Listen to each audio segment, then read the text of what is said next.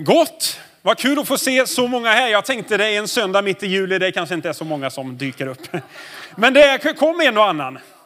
Och många nya ansikten, väldigt, väldigt kul att få, få se ut sådär. Martin heter jag eh, och är en av pastorerna här i kyrkan och eh, har ju den stora glädjen att få, få predika idag. Och eh, det är skönt att vara på hemmaplan och få dela Guds ord. Förra söndagen så tänkte jag, jag såg fram emot att få komma hit och få lyssna till Andreas Frank när han skulle komma. Eh, och få höra han predika. Men så eh, var vi ju några stycken som eh, var kvar i Tyskland några extra dagar. Vi missade en flight på vägen hem från Israel. Så att, men vi har ju flera här. Kan inte ni som var med i Israel bara resa er upp? Ja, ja, så kan applådera dem lite så. Ja, en liten trupp här ändå. Eh, det var någon som frågade, blir det någonting om Israel idag? Det blir alltid någonting som man har möjligheten. Skulle jag ta allt det där så skulle vi hålla på länge, men jag tänker jag tar ändå chansen eh, att nämna någonting. Det var ju så fantastiskt att vara i detta heliga land. Har ni inte varit där så vill jag bara uppmuntra er, åk jättegärna dit. Eh, det kommer någon ny resa framöver här, tänker jag. Vi planerar alltid för något nytt. Eh, men detta land som är, du vet, att få, att få gå i Israel och veta att det var här Jesus levde. Det var här han föddes, det var här han levde, det var här han dog, det var här han uppstod. Det gör någonting. Och att få, få se platsen och veta att ja, men det var här ute på, på Galileiska sjön som Jesus kom gående på vatten. Att sitta där ute på båten och veta att någonstans här var det Jesus trotsade naturlagarna och gick på vattnet. Och att då också veta att när man sitter där i båten så var det också här Petrus gick på vatten. Det var här han klev ut över relingen och provade att gå. Det var här det blåste upp och vi fick förklarat att det är liksom höga berg runt omkring. Och det är inte ovanligt att vinden ibland kommer och så blåser det upp till ordentlig storm. Och det var där Jesus stillade stormen. Det var där Jesus med några maktord bara talade ut och så blev det helt stilla och helt lugnt. Och det vet jag, jag fascineras så. Och när man idag läser evangelien och läser texterna och så får den en bild av det var så här det såg ut, det var på de här platserna, det var... Det gör verkligen någonting, jag ska inte ta mer av det där. Men jag vill bara uppmuntra dig att åka dit, uppleva det. Eh, det är väldigt, väldigt, väldigt gott. Vi har ju ett tema som Ellen sa som handlar om eh, världens bästa coach, livet med den helige ande. Och vi säljer ju den här boken som Simon skrev för x antal år sedan, eh, där ute efter gudstjänsten. Eh, nu ska jag se så jag säger rätt. Då. En för 50, tre för 100. Där har vi det. Eh, du kanske kan få... Nej, jag ska inte göra någon egen deal. Eh, men en för 50, tre för 100. Se till att köpa den superlättläst om, om livet med den heliga ande, om gåvorna, om dopet eh, och om andens frukter. Och eh, det där är väldigt, väldigt bra grejer. Så att se till att köpa den efter. Vi har ett tema idag som är, är andens gåvor tillgängliga för mig? Jag tar lite vatten här. Eh, och det är de kan jag säga. Så svar på den så kan vi predika om något annat här nu. Nej, då, är andens gåvor tillgängliga för mig? Ja, det är de. Vi ska slå upp första Korintierbrevet eh, i kapitel 4 och vers 20.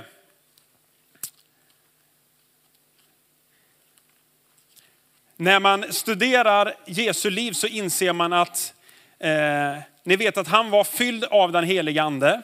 Eh, och hela tiden så verkade han eh, tillsammans med den helige ande.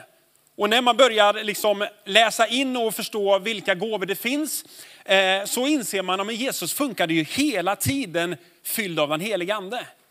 Ibland så står det att, att Jesus, Jesus eh, visste vad de tänkte i sina hjärtan, står det ibland. Det tycker jag är lite coolt. Han, visste vad de tänkte, inte vad de sa. Han visste vad de tänkte i sina hjärtan. Hela tiden så funkar Jesus tillsammans med den helige ande och gåvorna är i funktion. Och vet du vad, jag är övertygad om eh, att du och jag behöver vara i funktion tillsammans med den helige ande.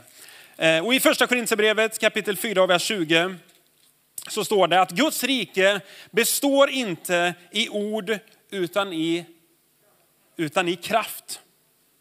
Och när jag läste det här, Guds rike består inte i ord utan i kraft, så, så har det verkligen huggt tag i mitt liv. För ibland undrar jag så här, var är kraften?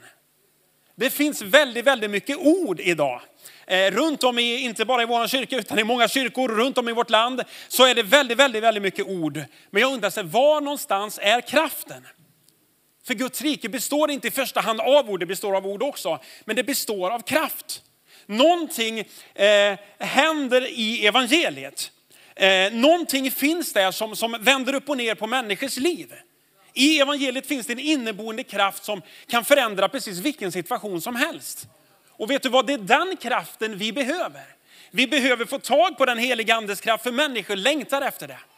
Människor längtar inte efter fler ord, fler liksom steg man ska gå igenom, hitta de här programmen för att lyckas i livet. Jag tror att människor vill ha Guds kraft.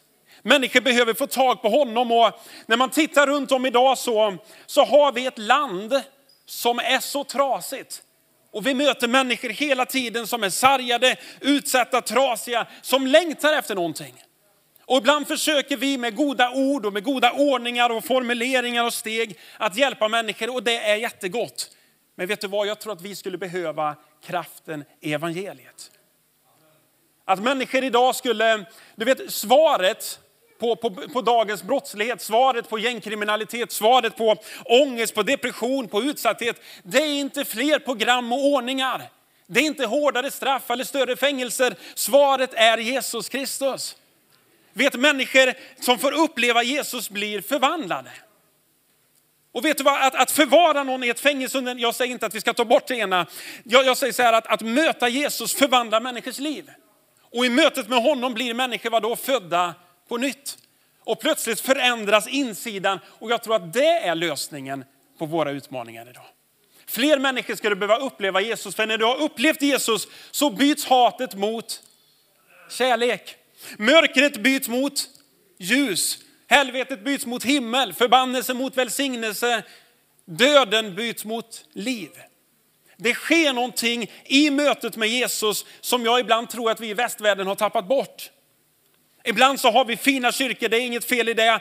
Men när det viktigaste ibland blir lokalen, det blir liksom ordningen, det blir stadgarna, det blir färgerna. Och så blir det så mycket runt omkring att vi har tappat kraften i evangeliet. Vet du vad, vi behöver återvinna kraften, vi behöver återvinna livet med den heliga ande. Låta hans gåvor vara i funktion. För vet du vad, det är inte bara Även om det är underbart när vi talar om att ge ett leende till varandra och krama om någon. Det är fantastiskt, jag tror att det är en del av det här. Men vet du vad? Att komma igång och kunna få ord av kunskap. Du vet på ett övernaturligt sätt så kommer den helige ande och talar någonting till dig som du naturligt, naturligt eh, och mänskligt sett inte kunde veta om. Och så talar du till någon annan och så säger de, vad är det här för någonting? Det är Gud. Och så sker det det mötet som vi mänskligt sett inte själva kan göra. Eller att du fungerar i kraftgärningarna och du säger, vad är det för någonting? Ja, men Jesus stillade ju storm. Eller hur? Jesus trotsade naturlagarna och gick på vatten. Jesus tog några bröd och fiskar och mättade tusentals med människor. Varför? Därför att Guds rike består inte i ord utan i, utan i kraft. Jag tror att vi behöver det. Så nummer ett, behöver jag andens gåvor blir min första fråga då. Den har jag ju redan svarat på också. Självklart behöver du andens gåvor. Jag skulle nog säga så här att det till och med är väldigt, väldigt svårt att leva som kristen utan den heliga ande. Det är nästan så att det typ inte går. Utan om man ska försöka leva som en kristen utan den heliga ande så blir det ju egna försök. Och så går man in i väggen och man tröttar ut sig och man försöker kämpa mot synden och så ramlar man och man snubblar och man orkar inte mer därför att man försöker i egen kraft. Medan vi istället bara skulle kunna säga Gud, jag tar emot den heliga ande. Jag låter nåden verka i mig och nåden ger mig kraft att stå emot synden och så kan jag leva ett liv i seger. Amen. Ja, ni hänger med, ni ser väldigt fokuserade ut. Det är bra. Eh, jag tror eh, att kraften är någonting, det sista Jesus sa innan han lämnade sina lärjungar. Ni vet han sitter på Olivberget ni som var med, ni kan bara vet, blunda och så ser ni platsen nu. Man sitter, man blickar ut över Jerusalem, eh, man sitter där på sluttningen. Så sitter Jesus efter sin död och sin uppståndelse. Så är han där med lärjungarna innan han lyfts upp till himlen. Och så säger han eh, de här välkända orden som vi eh, älskar att citera i Apostlagärningarna kapitel 1 och vers 8 så säger han att när den heliga ande, han säger inte om den heliga ande, han säger när den heliga ande kommer över er skall ni få kraft och bli mina vittnen i Jerusalem, i hela Judeen, i Samarien och ända till jordens yttersta gräns. När den helige ande kommer över er skall ni få kraft. Ni ska få kraft för att bli mina vittnen. Han visste att ni kommer inte klara det här på egen hand. Det kommer inte funka att springa i egna försök. Om jag skulle säga till er, vad är det Gud har kallat oss till? Att predika omvändelse, att bota sjuka, att väcka upp döda, att göra spetälska rena. Det är ju vad evangeliet säger. Så säger man det känns utmanande. Och försöka göra det i egen kraft. Att försöka bota sjuka, jag har försökt ibland. Och det går inget vidare i egen kraft att försöka göra det. Det är väldigt svårt att hjälpa människor till frihet i sin egen kraft. Men vet du vad, tänk om vi istället kunde förmedla Guds kraft till människor. Tänk om vi istället kunde bli kanaler och säga, jag kan inte det Gud, jag är beroende av den heliga ande. I backar man lite, ni vet eh, apostlärningarna skrev, Lukas ja precis. Eh, och han skrev ju även Lukas evangeliet då. Tittar man i det 24 kapitlet i Lukas.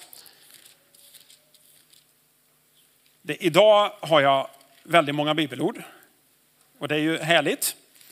Eh, för vi utgår ju ifrån Bibeln. Eh, I Lukas 24 och vers eh, 49 så ger Jesus samma sak där. Han, han ger dem i stort sett eh, deras programförklaring. Ni ska gå ut och ni ska predika omvändelse och så vidare. Och så säger han i vers 49 så här, och jag ska sända över er vad min far har lovat. Men, säger han, ni ska stanna här i staden tills ni har blivit rustade med kraft ifrån höjden.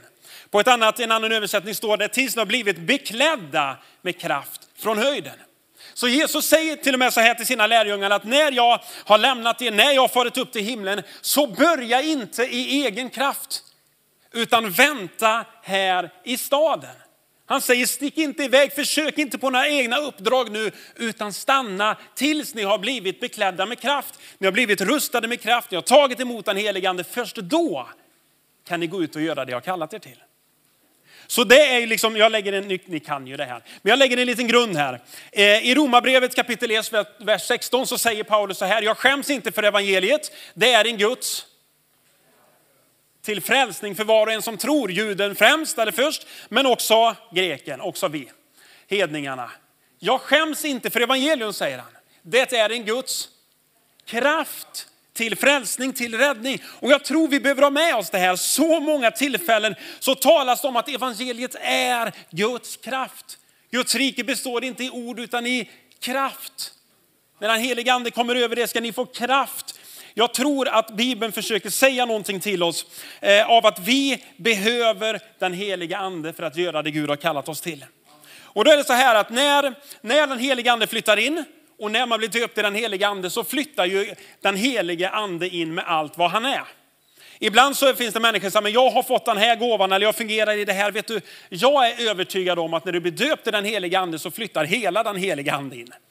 Det är inte så att någon fick höger hand, någon får vänster fot och så får man en del av den heliga. Nej, nej, nej. Antingen så har du blivit döpt i den heliga ande eller också har du inte blivit det. Och när han flyttar in så flyttar han in allt med vad han är. Han tar sin boning. Kan du förstå att, att Gud väljer att flytta in i varje troende människa? Det här behöver man ibland bara stanna upp och bara säga, vad är det det står? Samma ande som väckte upp Jesus ifrån de döda bor nu i er. Det står till och med att våra, våra kroppar i första Korinthierbrevet 3 har blivit tempel åt den heliga ande. Innan vet ni så, så gick folket i öknen och hade sitt tabernakel, platsen dit man gick för att möta Gud. Och så byggde man templet och så gick man dit för att möta Gud. Och så, så när Jesus har uppstått så säger han att jag ska vandra mitt ibland dem. Så plötsligt ger han den helige ande och så säger han att var och en blir en boning där Gud själv flyttar in. Vilket innebär att du behöver inte gå till någon speciell plats för att möta Gud. Du behöver inte vara med några andra, utan var helst du än är, så är Gud där. Din kropp har blivit platsen där Gud tar sin boning. Där han vandrar tillsammans med oss, han är med oss. Alltså, blir man inte glad nu? Då får man kämpa. Kan ni tänka er att Gud väljer att bo i var och en av oss? All kraft finns tillgänglig när som helst. Och ibland så, så, så sväljer vi det och tänker, men det har jag hört massa gånger. Då behöver du stanna upp och tänka, vad är det du har hört? Har Gud flyttat in? bor Gud på insidan. Jag läste någonstans och, och hör människor ibland, och jag själv säger det också, tänk om man var med Mose när han delade Röda havet. Tänk när han räckte ut liksom sin käpp där och så, eller vad nu gjorde handen. Och så delades hela havet och de gick torra igenom. Eller de slog på klippan och det kom vatten. Och, eller tänk att se de där miraklerna och vakna upp med liksom, eh, sådana mannar med bröd. Som man går ut och plockar liksom nybakt bröd på marken varje dag. Och så Gud har bakat det. Och så blir folket lite trötta och säger vi vill ha kebab också. Så vaknar de och så ligger det, ja typ kebab då. Eh, så fåglar vaktlar eller vad är det, över hela marken. Färdiglagat, man bara går ut och äter. Och så tänker jag, tänk om man levde då, då hade vi trott, om man hade fått se allt det där. Och så såg jag någon, någon rolig bild någon hade målat, så, så var det Mose som sa så här, tänk om man hade levt när den helige ande blev utgjuten. Tänk om man hade levt på den tid när liksom Gud valde att ta sin boning i varje troende kristen människa. Och så bara wow, det är den tid vi lever i. Vi lever ju i den tid när vi var och en har en egen connection med Gud. Där vi var och en kan fungera i alla de gåvor som Jesus fungerade i. Men många gånger så har vi blivit lite förblindade. Inte ni givetvis, men jag kan bli det ibland. Och så missar man allt det som Gud faktiskt har kallat oss till. Och jag tror att vi bara behöver påminna varandra att vi behöver den heliga andes gåvor. Och den heliga andes gåvor finns i var och en av oss. Om den heliga ande har flyttat in så har hans gåvor också flyttat in. Vi tar nästa då. Vem gäller det? Det gäller var och en. Det gäller alla som tror. Varför då? För att vi skulle kunna bli vittnen. Utan kraft så blir budskapet väldigt, väldigt urvattnat. Utan den heliga ande så hade vi ju varit som vilken förening som helst. Eller hur? Vi har jättefin ordning, vi har bra liksom stadgar, vi har våra föreningsmöten, vi gör massa grejer. Men det är ju inte det vi är. Eller hur? Vi är ju ett folk, vi är en rörelse, vi tillhör ett annat rike som inte består i ord utan i kraft. Ja, jag väcker det till liv här nu. Kraft består det av. Eh, I Markus kapitel 16. Eh, så ger egentligen Jesus missionsbefallningen, han står ju i, i Matteus kapitel 28 också. Eh, men i Markus kapitel 16 och från vers 17, eller vi kan ta, jag gillar ju vers 15 också väldigt mycket. Vi tar från vers 15. Eh, Jesus säger till dem, gå ut i hela världen och förkunna evangeliet för hela skapelsen. Den som tror och blir döpt ska bli frälst, men den som inte tror ska bli fördömd. Dessa tecken ska följa dem som tror. I mitt namn ska de driva ut onda andar, de ska tala nya tungomål. De ska ta ormar med händerna och dricker de något dödligt gift ska det inte skada dem.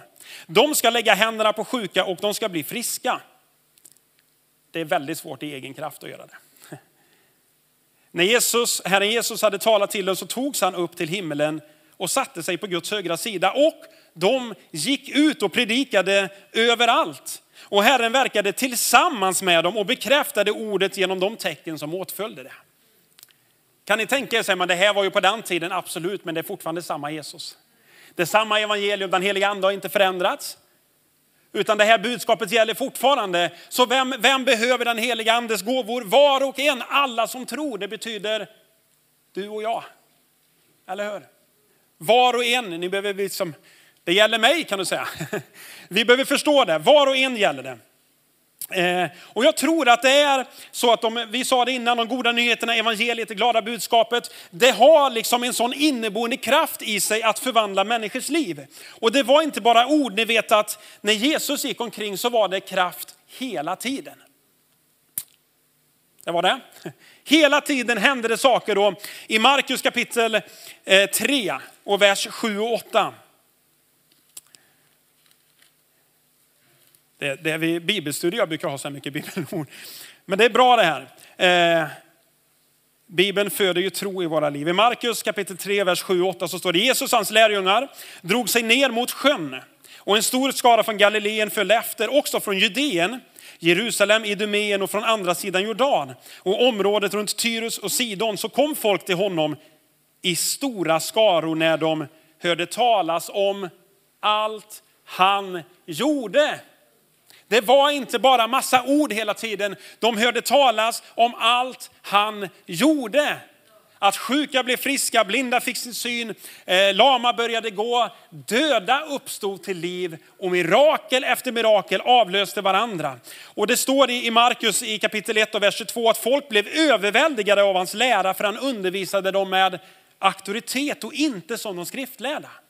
Det var annorlunda. När Jesus talade hände någonting, det skedde någonting. Och vet du vad, när du och jag ska predika så behöver det bli likadant. Hur är det idag undrar jag ibland. Det är så mycket ord ibland. Det är så många löften, men så saknar vi kraften. Och jag längtar så mycket mer efter att den helige andes gåvor skulle fungera och vara verksamma. Jag längtar så mycket mer att få, få höra talas om hur de här gåvorna är i funktion varje dag, varje vecka. I vilka då? I Guds församling. Du vet, jag längtar efter att höra eh, vittnesbörd varje vecka hur någon står på IK och får ett kunskapens ord eller hur någon fungerar i gåvorna och botar sjuka och mitt ute på stan är med och lägger händerna på någon som blir plötsligt botad. Varför då? Därför att Guds rike består inte i ord utan i kraft. Vad är det som kommer förändra och förvandla människors liv? Jesus. Och undren och ordet bekräftas alltid av de tecken som åtföljer det. Det är det som visar att evangeliet är sant. Vi, vi ska läsa en liten passage i första Korintierbrevet kapitel 2. Och då ska man tillägga att det här inträffar ju ganska snart efter att Jesus eh, eh, har levt och sen eh, lämnat och, och åkt upp till himlen. Eh, så skriver Paulus till korinterna eh, i vers eh, 1 till 5 så säger Paulus så här, när jag kom till er bröder så var det inte med stor vältalighet eller vishet som jag predikade Guds hemlighet för er. Jag hade nämligen bestämt mig för att inte veta, jag hade nämligen bestämt mig för att inte veta av något annat hos er än Jesus Kristus och honom som korsfäst. Svag, rädd och mycket orolig kom jag till er. Mitt tal och min predikan kom inte med övertygande visdomsord utan med en bevisning i ande och... Just det. Er tro skulle inte bygga på människors visdom utan på Guds kraft. Är ni med? Det var Paulus liksom stora rädsla. Jag kom inte för att hitta 15 punkter, för att överbevisa er, för att vinna argumentationen, för att ha de bästa försöken till vad som skulle vara sant eller falskt. Jag kom rädd, svag, mycket orolig säger han. Och så kom jag och predikade ett evangelium som den helige ande bevisade för er. För att er tro inte skulle bygga på någon människas visdom, utan er tro skulle bygga på Guds kraft. För att er tro skulle bygga på, på mötet tillsammans med Jesus, på att ni skulle förstå att det finns någonting mer i det här budskapet än bara ord. Varje gång Jesus talade så hände det någonting. Varje gång Jesus började säga någonting så skedde det. När Jesus sa till vinden, tig var stilla, så blev det stilla. När Jesus sa till dem att hur många bröd och fiskar har vi här? Om man plockar fram dem där och det sitter tusentals med människor och han tackar upp, han ber och säger ni kan börja dela ut. Och det tar inte slut. Fisk efter fisk, bröd efter bröd, tusentals efter tusentals människor sitter och äter och det bara fortsätter och blir mer och mer. Till slut är det så mycket att när man börjar samla in så är det korg efter korg efter korg som är överfulla av det de inte orkar äta upp. Varför? Därför att Guds rike består inte i ord utan i kraft. Och jag tror människor idag längtar mer än någonsin efter Guds kraft. Och andens gåvor skulle jag säga så här, de, de, de gör oss ödmjuka. Det är ju inte vi. Det är inte, vet, om, om Gud skulle ha placerat ner en gåva och sagt det här är din gåva, fungera i den. Så kan det hända att vi människor ibland skulle bli lite stolta, tro att vi kan någonting. Att det skulle, men vet du vad? Andens gåvor gör oss väldigt, väldigt ödmjuka. Att vi hela tiden är beroende av honom. Det är inte min gåva, det är Guds gåva. Det är inte jag som bestämmer över den, det är han som bestämmer över den. Det vi behöver göra är att ivrigt be, söka och längta efter det och bli en kanal där han kan fungera genom oss.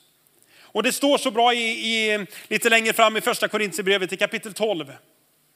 Eh, så står det så här i vers, från vers 4. Så står det, det finns olika nådegåvor men anden är densamme. Det finns olika tjänster men Herren är densamme. Det finns olika kraftgärningar men Gud är densamme. Han som verkar allt i alla. Men hos var och en visar sig anden så att det blir till nytta. Den ene får av anden ord av vishet, den andra får ord av kunskap genom samma ande. En får tro genom samma ande, en får gåvor att bota sjuka genom samma ande. En annan att göra kraftgärningar. En får gåvan att profetera, en annan att skilja mellan andar. En får gåvan att tala olika slags tungomål, en annan att uttyda tungomål. Men i allt detta verkar en och samma ande som fördelar sina gåvor åt var och en som han vill. Jag älskar det. Den helige ande fördelar vems gåvor? Sina gåvor. Åt var och en som Martin vill. Som han vill. Så vi måste hela tiden bara inse, det är Guds gåvor. Det är han som äger dem, det är han som fördelar dem, det är han som använder dem. Till åt vem då? De som villigt säger, här är jag, använd mig. Vad vi behöver är att överlåta oss själva och säga Gud, använd mig. För var finns hungern i våra liv idag? Var finns den längtan i våra liv idag? Det vi säger, åh, tänk om jag kunde få vara med och få ord av kunskap. Nu kanske ni vaknar varje morgon och ber efter det. Men jag bara inser själv, var är den där längtan, den där hungern och säger Gud, din kraft, var finns den idag? Jag vill också vara med och profetera. Jag vill också vara med och kunna skilja mellan andra. Jag vill också få ord av visdom, kunskap. Jag vill också vara med och se kraftgärningar. Inte för sakens skull i sig, utan för att människor ska få möta Jesus. Jag tror att det är viktigt att vi förstår. Min tredje punkt här blir, jag har inte hängt med på den andra punkten, men den tredje punkten är andens gåvor. Att det är just hans gåvor och inte våra egna. Eh, och det finns ett tillfälle i apostlagärningarna. Eh, kommer ni ihåg Simon, inte Simon Holst här nu då, utan Simon trollkaren? Känner ni till han? Ja, några nickar lite. Eh, han, han liksom kommer in här och han gör massa under och tecken också. Eh, och så är apostlarna på besök och så händer det massa saker. Eh, och så står det i Apostlagärningarna kapitel 8 eh, och från vers 18 så står det att men när Simon såg att anden gavs genom apostlarnas handpåläggning så kom han till dem med pengar. Och så sa han, ge den kraften till mig också, så att den jag lägger händerna på får den heliga ande. Och då kan man tänka sig apostlarna, de kunde ju då ha varit med och lagt händerna och sagt att ja, men var med du också och hjälp till här. Men vet du vad, de apostlarna fungerade tillsammans med den helige ande och kunde skilja mellan andar, vilket motiv det egentligen var här. Kanske var ganska uppenbart när de kom med pengar också. Men Petrus tar till orda och säger så här, till fördärvet med dig och dina pengar, om du tror att Guds gåva kan köpas för pengar. Du har ingen del eller lott i den här saken för ditt hjärta är inte uppriktigt inför Gud. Omvänd dig och så kommer en fortsättning. Det jag vill säga med det bibelordet är att ibland tror människor, om man fascineras över gåvan i sig och tror att det är det som ska förändra, det är gåvan. Men vet du vad, det är inte gåvan, det är anden. Är ni med? Vi behöver söka anden. Det är det vi behöver längta efter och så fördelar anden sina gåvor så att det blir till nytta och uppenbara sig så att det blir till det bästa. Vi kan aldrig någonsin komma och säga så här, jag försöker köpa loss den helige ande. Vi kan försöka komma med lite pengar till Simon och köpa loss trons gåva. kommer inte gå så bra. Utan vad vi behöver göra det är ödmjukt söka honom, lära oss det, det som står och säga, våra hjärtan behöver vara uppriktiga. Varför ska andens gåvor fungera i mitt liv? För att jag vill vara med och vara ett vittne. För att jag vill hjälpa andra människor till att upptäcka Jesus. Varför vill jag operera tillsammans med den helige ande och få höra ord av kunskap eller vara med och få se mirakel ske? Är det för sakens skull eller är mitt hjärta rent? Jag säger jag gör det för att jag ska vara ett vittne åt dig. Jag vill vara med och predika evangelium, jag vill vara med och se under och tecken och låta människor få möta Guds kraft till omvändelse och förvandling. Det är härligt. Jag behöver titta här lite vad vi har för. Det ligger bra till. Det är så många olika tider ibland. Jag tänker att tiden är för oss. Det finns ju, om man bara, jag ska inte gå igenom för då inser jag, då håller vi på länge. Men vi, vi, det finns ju, man pratar om nio gåvor ibland. Det känner ni till va? Eh, som man delar in i tre olika eh, kategorier ibland. Vi har uppenbarelsegåvorna, kraftgåvorna och inspirationsgåvorna. Eh, och då är det så här, av, av uppenbarelsegåvorna så talar man ibland att få ord av vishet. Eller få ord av kunskap eller att skilja mellan andar. Att det är de tre gåvorna som Gud på ett övernaturligt sätt kommer med information som vi mänskligt sett aldrig skulle kunna få reda på. Varför? För att hjälpa människor att se vem Gud är. Kraftgärningarnas gåvor då eh, är just kraftgärningar att på ett övernaturligt sätt alltså bryta mot naturlagarna. Att Gud demonstrerar sin kraft.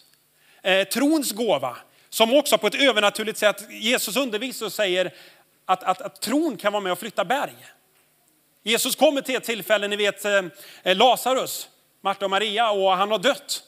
Och de kommer och säger, eh, han, han luktar redan, han har varit död i fyra dagar. Och Jesus, du vet, han är så fylld av tro och säger, han ska uppstå.